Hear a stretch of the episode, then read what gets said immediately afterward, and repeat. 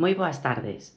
Benvidos ao novo programa A Fume de Carozo, que organiza e promove o equipo de dinamización da lingua galega do Colexio Calasanz Países Colapios da Coruña. Chegamos con este a nada despreciable cantidade de 245 programas, todos eles coordinados polo profesor Roberto Catoira, a quen dende aquí queremos felicitar polo seu labor e agradecer, por suposto, que nos teñan conta para este proxecto tan bonito. Eu son Lucía Caridad, mestra do Colexio Calasanz Países Colapios na etapa de educación infantil, e como cada ano participamos na realización dun programa na radio. Este ano, co gallo do Día das Letras Galegas, aproveitamos para facer un programa especial sobre a autora a que está dedicado este ano a nosa festividade. Ela é María Victoria Moreno. Antes de coñecer un pouco sobre a súa vida, imos escoitar a canción 1, 2, 3 de Pablo Díaz.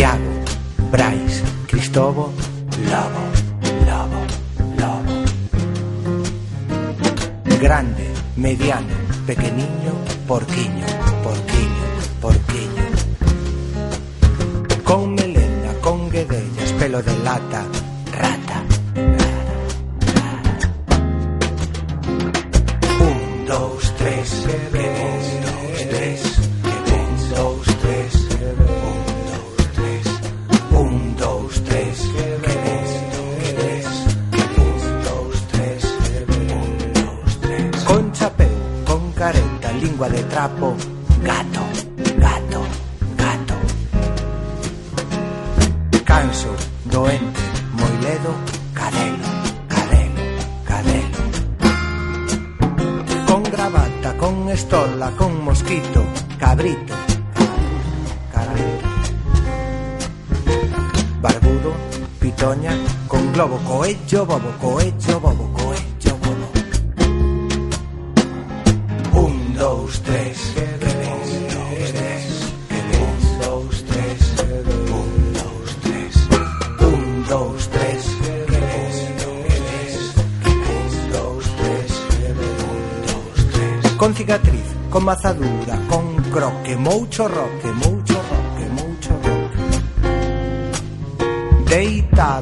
Asomado, sentado, linguado, linguado, linguado.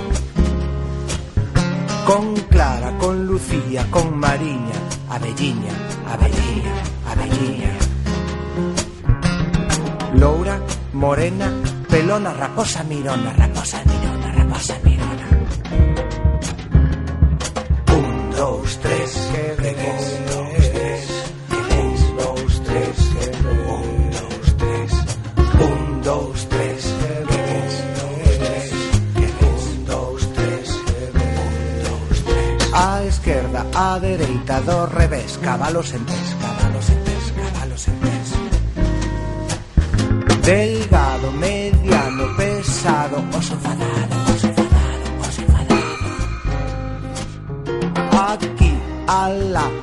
cola. Ola, ola, ola. Cuatro peira con lagarto, co canguro, estás seguro, estás seguro, estás seguro. Un, dos, tres. Na casa, na lúa, cómplice, con plan.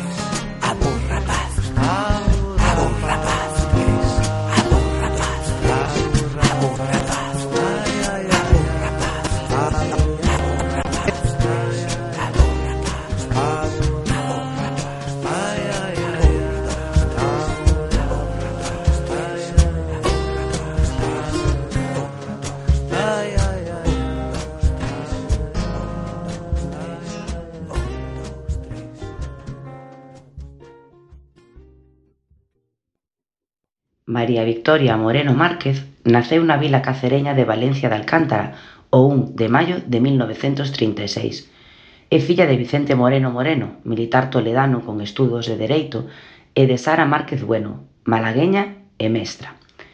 Vicente e Sara tiveron tres fillos máis, Sara, Antonio e Rafael. A vida de María Victoria non foi fácil. Eran os tempos da posguerra, que rematara uns meses antes do seu nacemento, e a fame e as carencias de todo tipo eran moeda común entre os españois.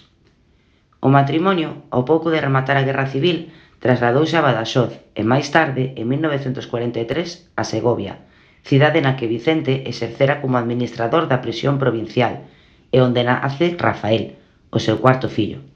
Aquí pasan sete anos vivindo no edificio carcelario. No ano 1949, Sara, a nai, Solicita o seu reingreso como mestra e é destinada a Sepúlveda, na mesma provincia de Segovia, e alí se traslada cos catro fillos, mentres que Vicente continúa co seu traballo na capital da provincia como funcionario de prisións. En setembro, no mesmo mes do comenzo das clases, Vicente faleceu de tuberculose, unha enfermidade que daquela, pola ausencia de antibióticos, era considerada mortal. A familia queda moi afectada economicamente, só co reducido soldo da nai. Esta mala situación económica ten como consecuencia que María Victoria non poderá ir a estudar o bacharelato a Segovia, a capital, onde estaba o único instituto da provincia. Aos 12 anos, María Victoria consegue praza de interna nun colexio da sección femenina da Falanxe para cursar os estudios de bacharelato. O resto dos irmáns foron espallados en colexios de Sanlúcar de Barrameda, en Cádiz, en Aranda de Duero Burgos en Medina de Río Seco, Valladolid. A nai conseguiu destino como mestra en Estepona, Málaga, preto das súas irmás. Unha vez rematado o bacharelato, en 1959, comezou María Victoria os estudios na Universidade Complutense de Madrid. Matriculouse na Facultade de Filosofía e Letras para estudar Filoloxía Románica. Alí recibiu clases de dous grandes da literatura española, Rafael Lapesa e Damaso Alonso, que deixaron unha fonda pegada na súa vida. Nesta época compaxinou os estudios universitarios coa impartición de clases gratuítas de francés no barrio obreiro de Entrevías, en Madrid. Na Universidade Complutense coñeceu o que sería o seu primeiro marido, o valenciano José Luis Yácer, co que casaría no verán de 1963. José Luis era invidente dende os tres anos e María Victoria exercía de lectora para el, ao tempo que facía traduccións do francés para a once. E de Madrid deron o salto para Galicia. El foi destinado ao Colexio Santiago Apóstolo, en Pontevedra, un colexio dependente da once, en o que recibían formación específica os invidentes. María Victoria foi contratada como profesora de instituto. En Pontevedra, María Victoria aproba as oposicións como profesora de lingua e literatura española, e é destinada en 1965 ao Instituto Masculino de Lugo. Nesta cidade ten como compañeiros a Xesús Alonso Montero e a súa dona, Emilia Pimentel, e como alumno ao poeta Xesús Raba de Paredes. Nesta época comeza a coñecer a literatura galega e a nosa cultura. Dous anos despois, volta a Pontevedra para dar clases de literatura española no Instituto Feminino, o que máis tarde será o Instituto de Enseñanza, Enseñanza Secundaria Valle Inclán. Aquí estará ata o ano 1986. Nesta época, adquire un compromiso firme con noso idioma e en 1972 comeza a impartir cursos de galego para adultos en diferentes vilas galegas, Como consecuencia deste activismo, convértese en sospeitosa de ser antifranquista e a Comisaría de Policía de Pontevedra retíralle en 1974 o pasaporte como represalia por dar un curso de galego no Ateneo de Ourense. No ano 1973 abre en Pontevedra, na rúa Andrés Muruais e en unión do seu marido e outros compañeiros e amigos a librería Xuntanza. Despois dunha intensa actividade cultural e de divulgación de libros censurados, a libraría ten que pechar tres anos despois da súa inauguración por mor das débedas acumuladas. Neste tempo, María Victoria e José Luis adoptan a Begoña e Carlos Alberto, dous irmáns. Son anos dunha gran actividade literaria. Publica en Edicións do Canso Mar Adiante. Gaña o primeiro premio de contos infantís O Facho, da Coruña, coa obra O Cataventos que é publicado catro anos despois, en 1979. Publica tamén o libro de texto Literatura Galega, século XX.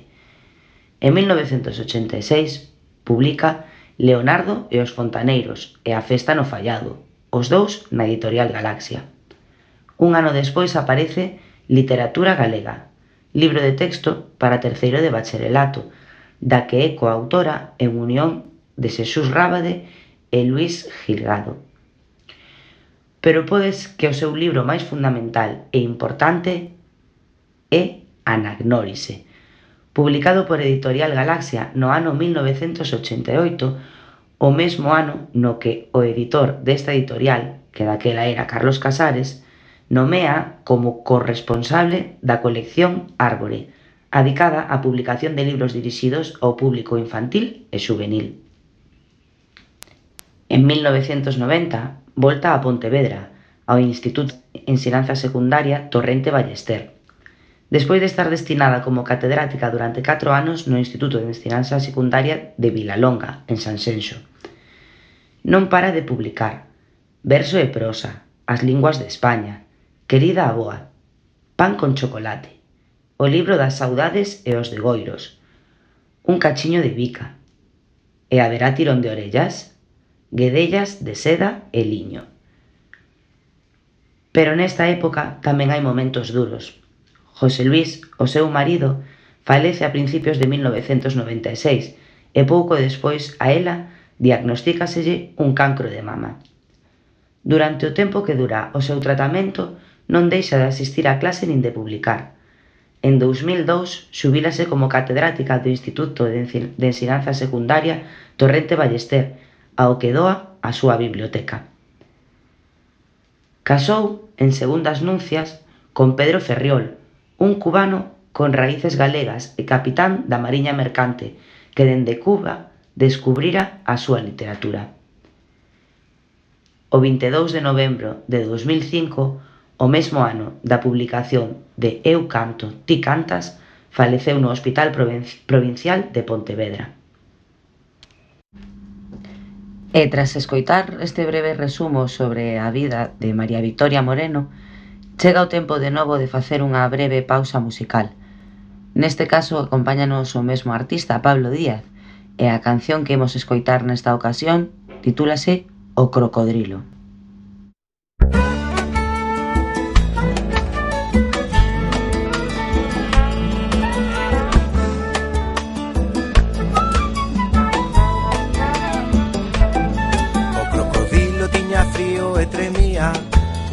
bufanda nin con luva resistía Pero de súpeto frío salle pasou E pouco a pouco a calor salle entrou. Por iso se puxo en fronte da neveira Coa porta aberta sentado nunha cadeira.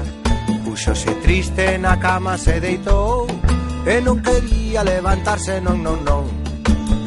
Que o que lle pasa a este crocodilo temos que adivinhalo Pois triste está o pobriño O que pasaba é que estaba namorado Dunha xirafa con andar moi compasado.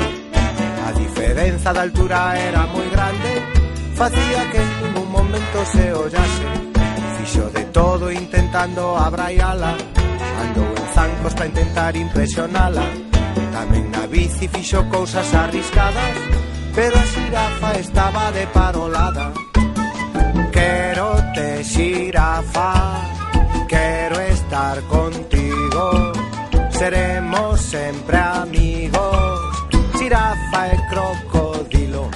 Mercou na feira follas verdes e amarelas, de cura arbre ofreceullas pra comelas, en la que viña do médico agripada, tampouco vivo a cabeza abaixada lo tivo unha boa idea Escribirlle unha canción de amor sincera. No momento en que la por ali pasou O crocodilo con toda forza berrou. Quero te xirafa Quero estar contigo Seré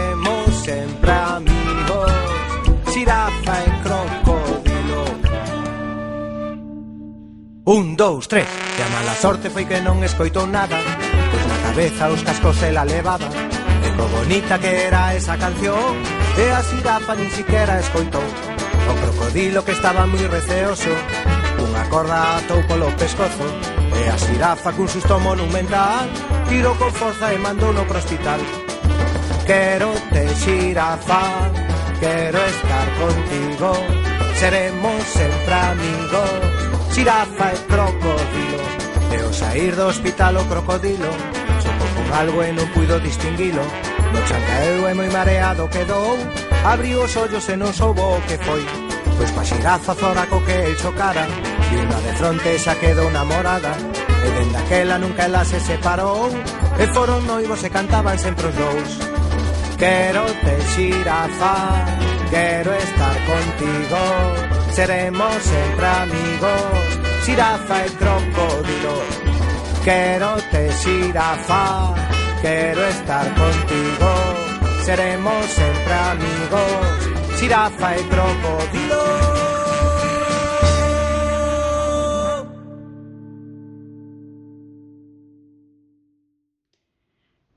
Coñeceremos agora un pouco máis sobre algunhas das súas publicacións máis importantes. Mar adiante. A presentación de María Victoria no mundo editorial galego foi coa obra Mar adiante, publicada en 1973 por Edicións do Castro, de Sada, a Coruña, e que leva por título Historias de nenos para nenos. A obra conta a historia dun grupo de rapaces e rapazas da vila de Porto Souril, aos que unha mestra lles pon escola nun barco, o Arroás, Neste conto mestúrase a vida de Miguel, un bello marineiro, de Lola, a cociñeira, de María Isabel, a sabichona, o capitán Xosé Luís e dunha chea de personaxes máis, moitos con nomes de persoas reais coñecidas pola autora. A trama consiste basicamente no relato dunha profesora a que non lle creen que puxera a escola nun barco e a que non lle queda máis remedio que escribir as súas vivencias. A primeira edición estaba ilustrada pola mesma autora e a, coa cuberta de Carme Arias. A outra gran novidade deste libro é que aparecen rapazas como protagonistas do relato. En 2009 publicouse unha segunda edición de man de Xerais e con ilustracións de Manolo Uía. Leonardo e os fontaneiros. Leonardo e os fontaneiros pasa por ser o libro que máis apreciaba María Victoria. A súa primeira edición foi en 1986, o mesmo ano no que a autora foi destinada como catedrática ao Instituto de Vilalonga, en Sanxenxo. A obra recibira o terceiro premio O Barco de Vapor. Despois de varias edicións foi traducida ao castelán por Begoña, a filla da autora, e editada pola editorial SM en 1988. Nesta narración Contásenos as historias que lle suceden a Antón Andrade Asorei, un neno de 14 anos que estuda oitavo de EXB, o que hoxe sería segundo da ESO, e a Leonardo, un can. Son as trasnadas de Antón, no seu último ano de, no colexio Martiño de Dumio, antes de General Franco. Os líos co director do centro, con Dona Rulos, a veciña bella que tira moito da cisterna, a crianza de ratos na aula, os preparativos e a suspensión da festa de fin de curso, os disfraces de cura e os discursos ao revés, as perrenchas de galiña, a profe, as trasladas dos fontaneiros, o medo ao reformatorio, a mediación do profe don Xeranio, a morte dunha profesora e as reflexións de Antón sobre a morte. Eu conto, ti cantas. A publicación de Eu conto, ti cantas prodúcese no ano 2005, xa con María Victoria gravemente enferma. Este libro reúne tres contos de animais. Xa non teño medo, Can branco, can negro e Un cachiño de bica. Está en verso e ilustrado por Manolo Guía. O primeiro dos contos narra a historia de Xan, un neno que ten medo polas noites cando se deita e que vai descubrir que no silencio non hai perigo e que a noite é tamén unha festa. En Can Branco, Can Negro, xunta as vidas de dous cans, Nicolau e Correcamiños. Dous cans con vivencias diferentes, un con todas as comodidades, e o outro, que naceu na Beira Vía, con todas as penurias do mundo. Ao final, os dous acabarán unidos e compartirán as súas vidas. No terceiro dos contos, os protagonistas son Iván e a cadela Nica, a que lle gustan moito os cachos de bica. O libro está editado pola editorial Xerais dentro da colección Merlín. Anagnórise A novela Anagnórise foi publicada pola editorial Galaxia en 1988 e está considerada como unha novela de amor para adolescentes. O seu protagonista é un rapaz das Rías Baixas, Nicolau Aris, que un día decide marchar a Madrid facendo autostop e é recollido por Xulia Andrade.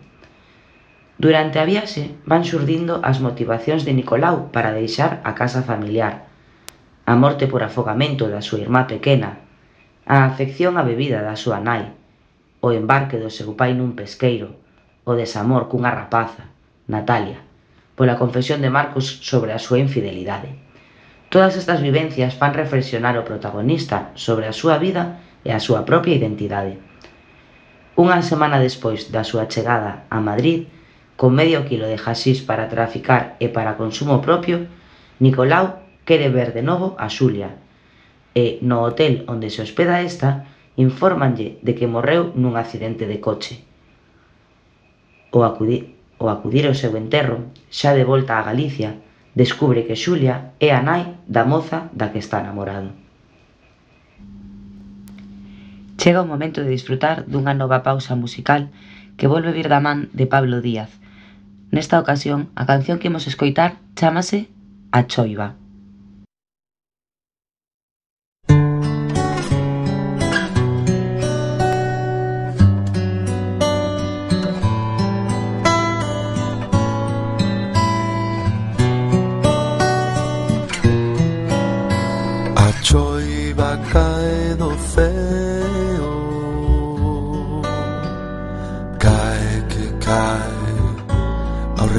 gato pequeno O regato chega ao río. Avanza que avanza con moito brío.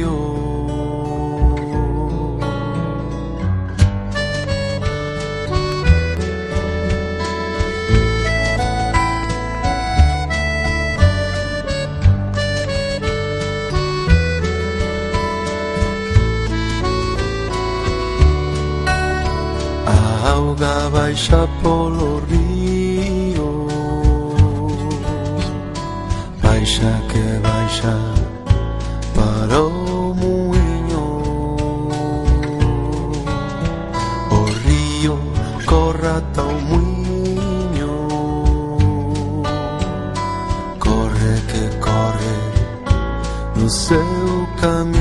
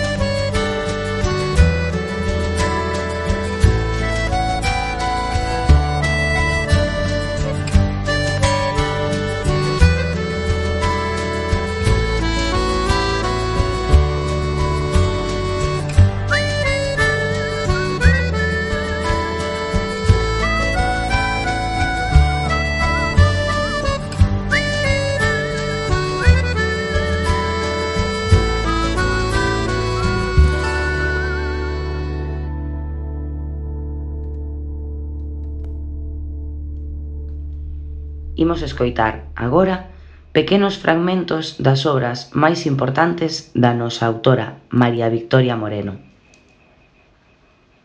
Mar adiante. Xa estábamos todos. O arroás fixo soar a súa sirena por primeira vez.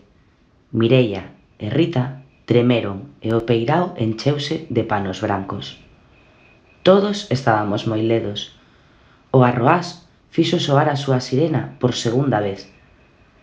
Ana foise a xunto das pequenas para garimalas e os panos brancos puxéronse a voar como gaivotas.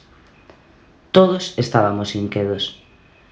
O arroás fixo soar a sirena por terceira vez e Paseniño esvarou na auga. No comezo, o motor zoaba moi forte e o barco case non se movía. Despois, o motor encalmouse e o barco corría como a un peixe. Íamos todos na, na branceira, dicindo adeus ás xentes e arredándonos como riña de Porto Souril. Cando os panos brancos que ficaban no peirao se fixeron pequeniños como as bolboretas, o sol sorría nas fiestras e a aldea era un milagre de cores. Leonardo e os fontaneiros A nosa escola chamábase antes General Franco, pero agora hai xa tempo que se chama Martiño de Dumio. Os profesores non se dan posto de acordo co nome. A galiña pensa que era mellor o vello, porque non se lle poden dar ás escolas nomes de descoñecidos nin de roxos. Don Xeranio di que son andacios dos tempos. O director, que anda a fardar do importante que é dirixir un centro de tan bella tradición nunha vila como esta, lamentase do cambio. Agora, di, parece que se trata dunha escola de nova creación. Xa non hai respecto para nada. A única que está satisfeita é a Rosa.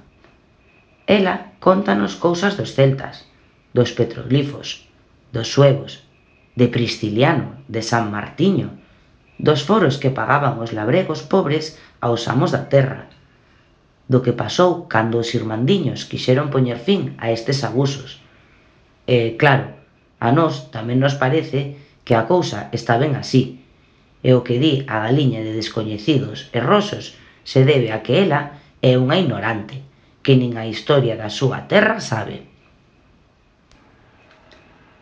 Eu conto, ti cantas. Correcamiños naceu, na beira vía da estrada, onde un home malo e feo botara a cadela branca que levaba na barriga seis cadeliños de nata.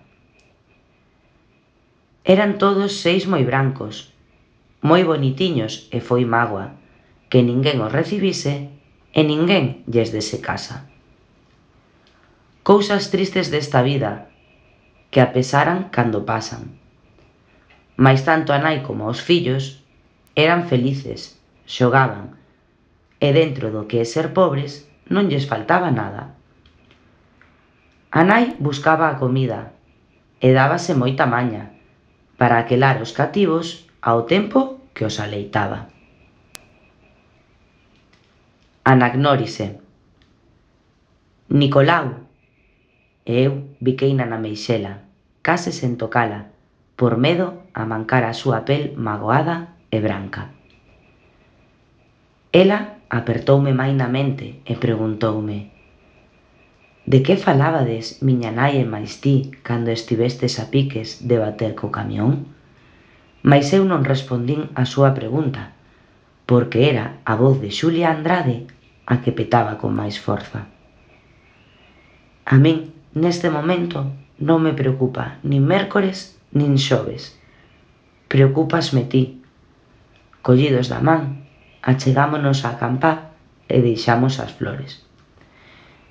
E falamos en palabras, e o silencio do Sartego parecía dicir si, sempre si, ao que nós platicábamos. Natalia e máis eu, por primeira vez na nosa vida, estábamos no mesmo mundo. Chorábamos pola mesma razón. Recordábamos un mesmo pasado e sentíamos onda nós a presencia invisible da mesma persoa. Natalia e máis eu, por primeira vez na nosa vida, estábamos no mesmo mundo, e os nosos corpos agoiaban no orballo dun solpor que cheiraba a silveiras florecidas.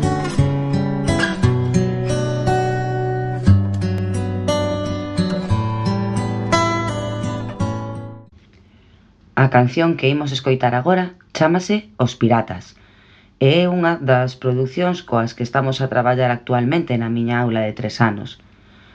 Atopámonos inmersos agora mesmo nun proxecto chamado A Abordaxe, e Pablo Díaz é o artista encargado de poñer a banda sonora. Imos escoitalo e desfrutalo con todos vos. Mm.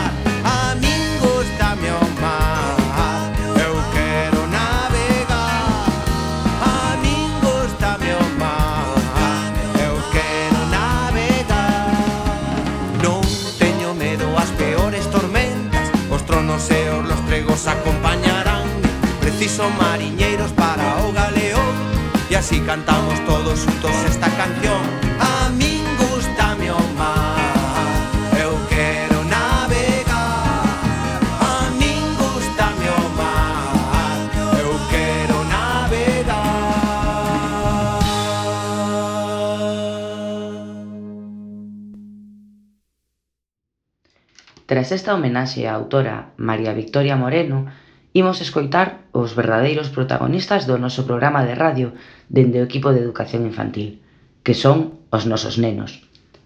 Ao longo do curso, os nosos alumnos aprenden distintas producións orais na nosa lingua, pero nadie mellor que eles para demostrar todo o que aprenderon. Durante estes últimos anos, os nosos pequenos propóñenos contos, cancións e adiviñas coa intención de dar a coñecer un pouco máis a nosa lingua. Hoxe queremos facer unha homenaxe particular a todo ese traballo, recollendo os máis importantes ou representativos de cada ano.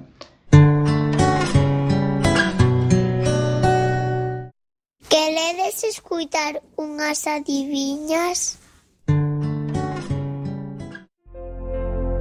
Vivo nas verdes montañas. O meu teito son as. O rabo movo con maña e no meu nome hai un V. Que son?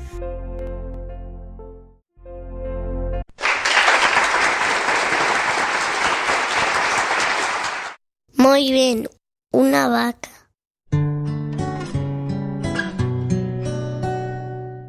conto que imos escoitar é o conto de Corre, corre, cabaciña.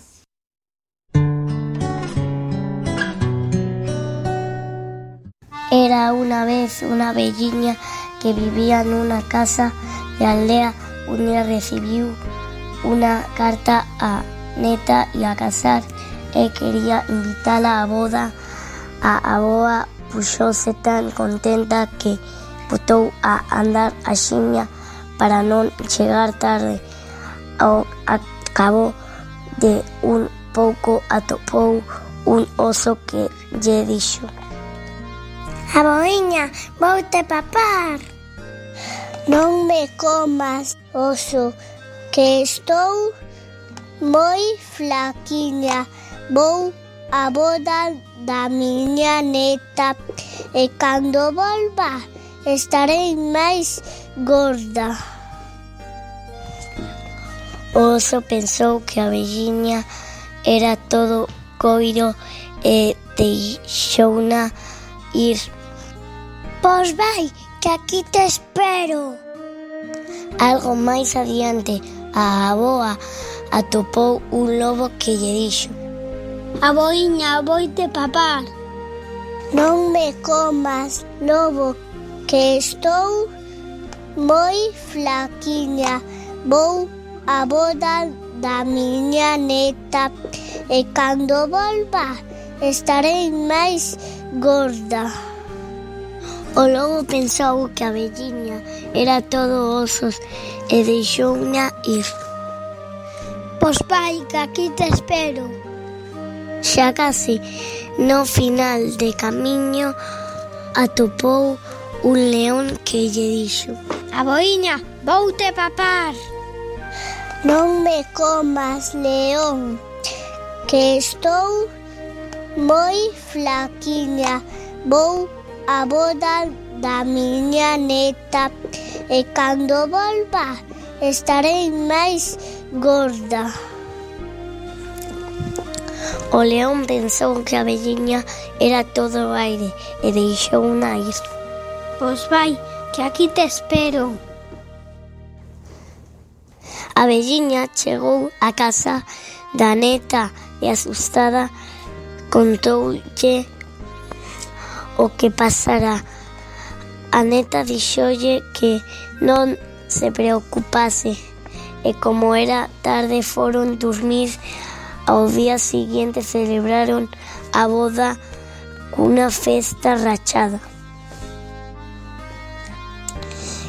Cando chegou a hora de volver para a casa, membrou as tres feras que estaban abordando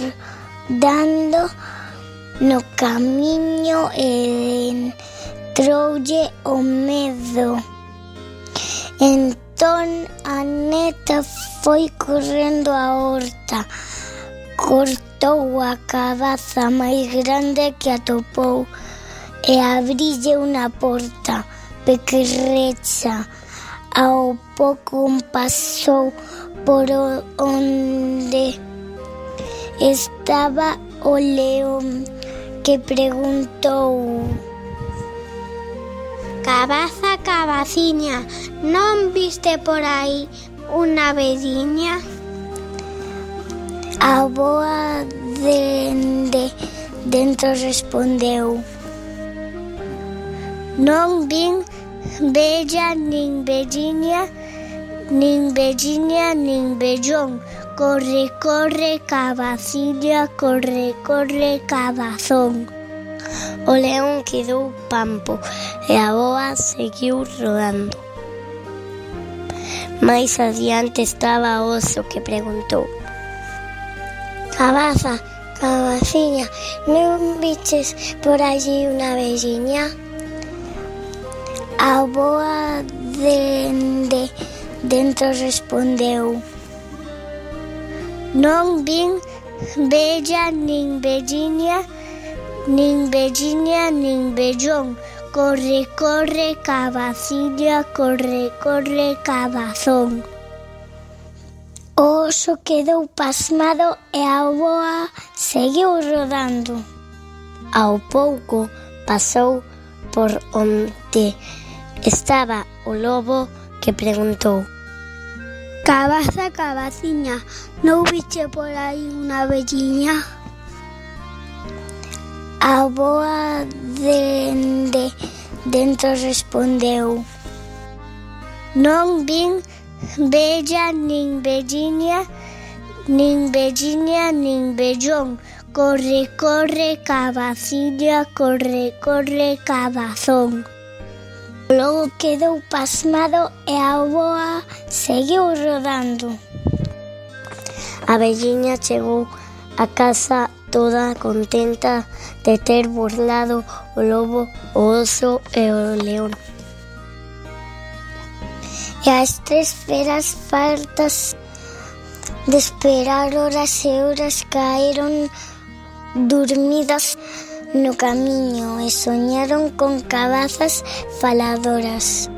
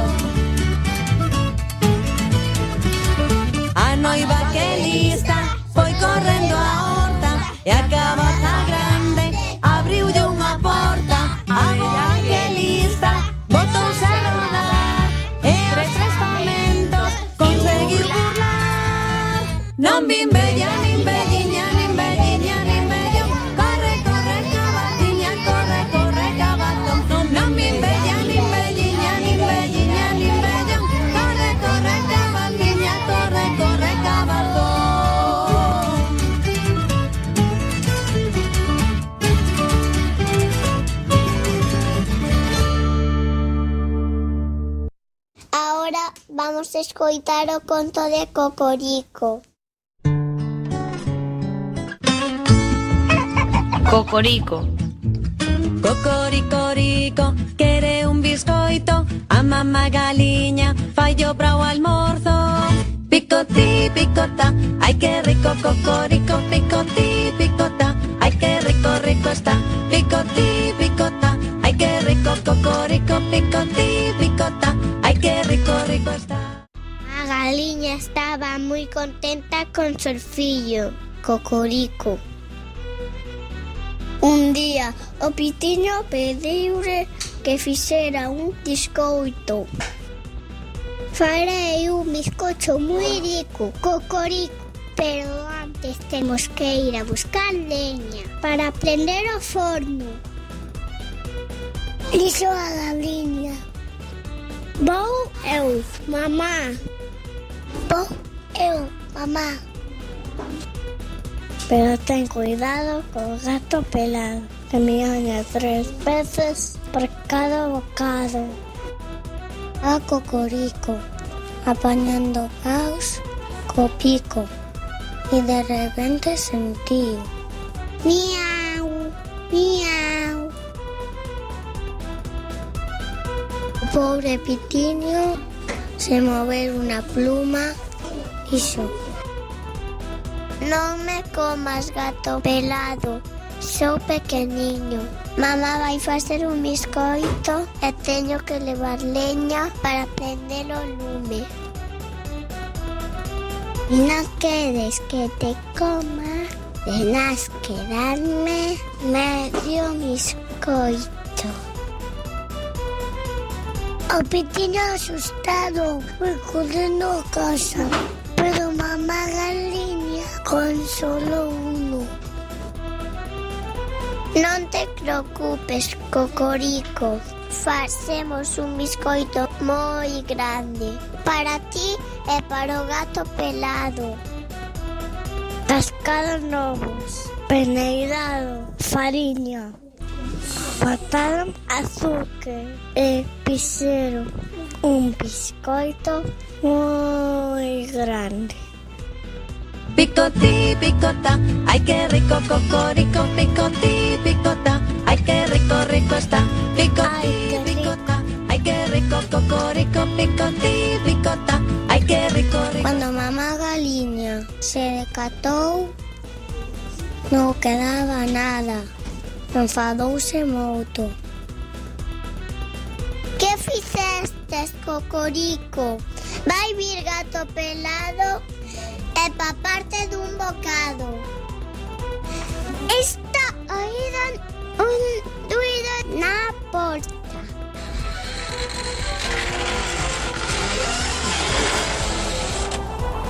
Era el gato pelado que viña a buscar medio biscoito.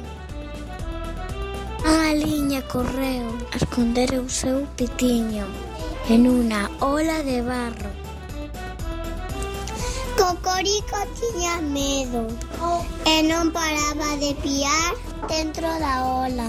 Entón sentiron unha voz que decía Miau, miau, miau Un gato pelado.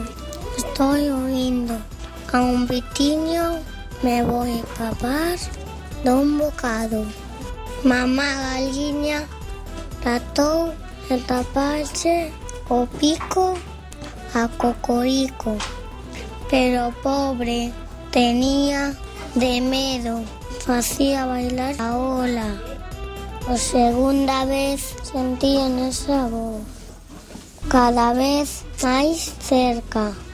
Miau, miau, miau. Un gato pelado, estoy oindo. A un pitiño me voy a papar dun bocado. Cocorico, co pico tapado, estaba morto de medo. E súa nai abrazou no moi forte. E por terceira vez sentiron aquela voz xa encima da ola. Miau, miau, miau. O gato pelado teu a pata na ola para coller o pitiño e... Cocorico non podía aguantar máis sin respirar. Esbirrou tan forte que rompeu a ola en mil anacos. Achis! Atopelado pensou que a casa caía.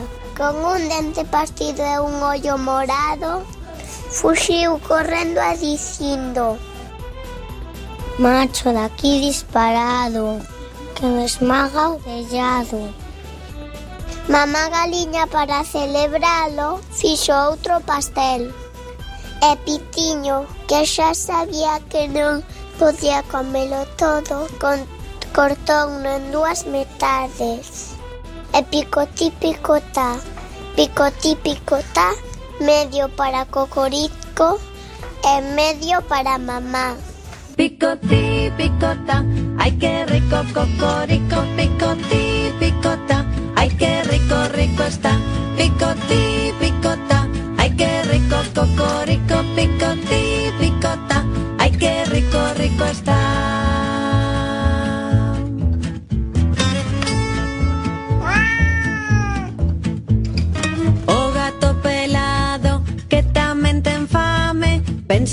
blisko going.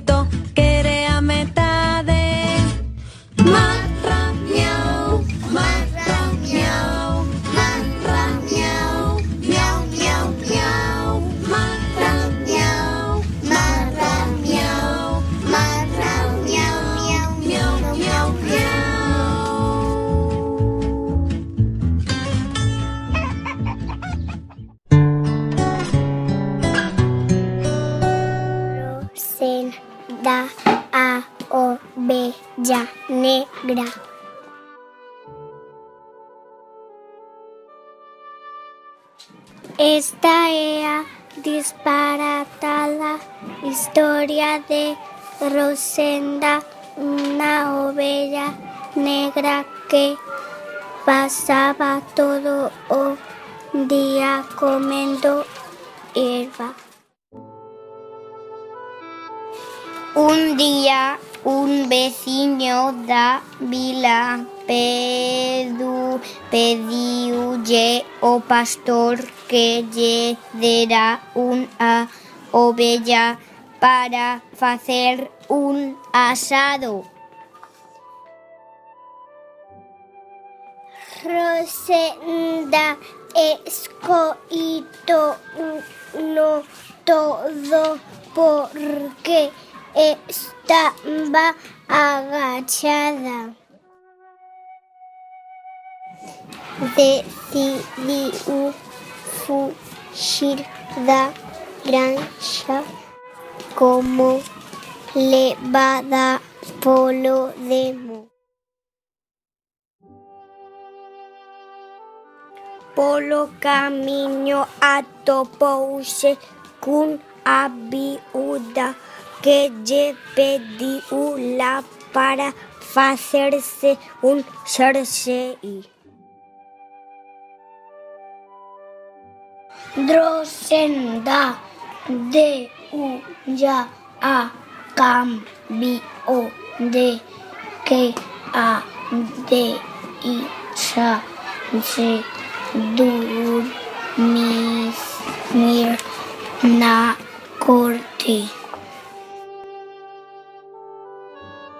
O día siguiente decidió ir a su casa.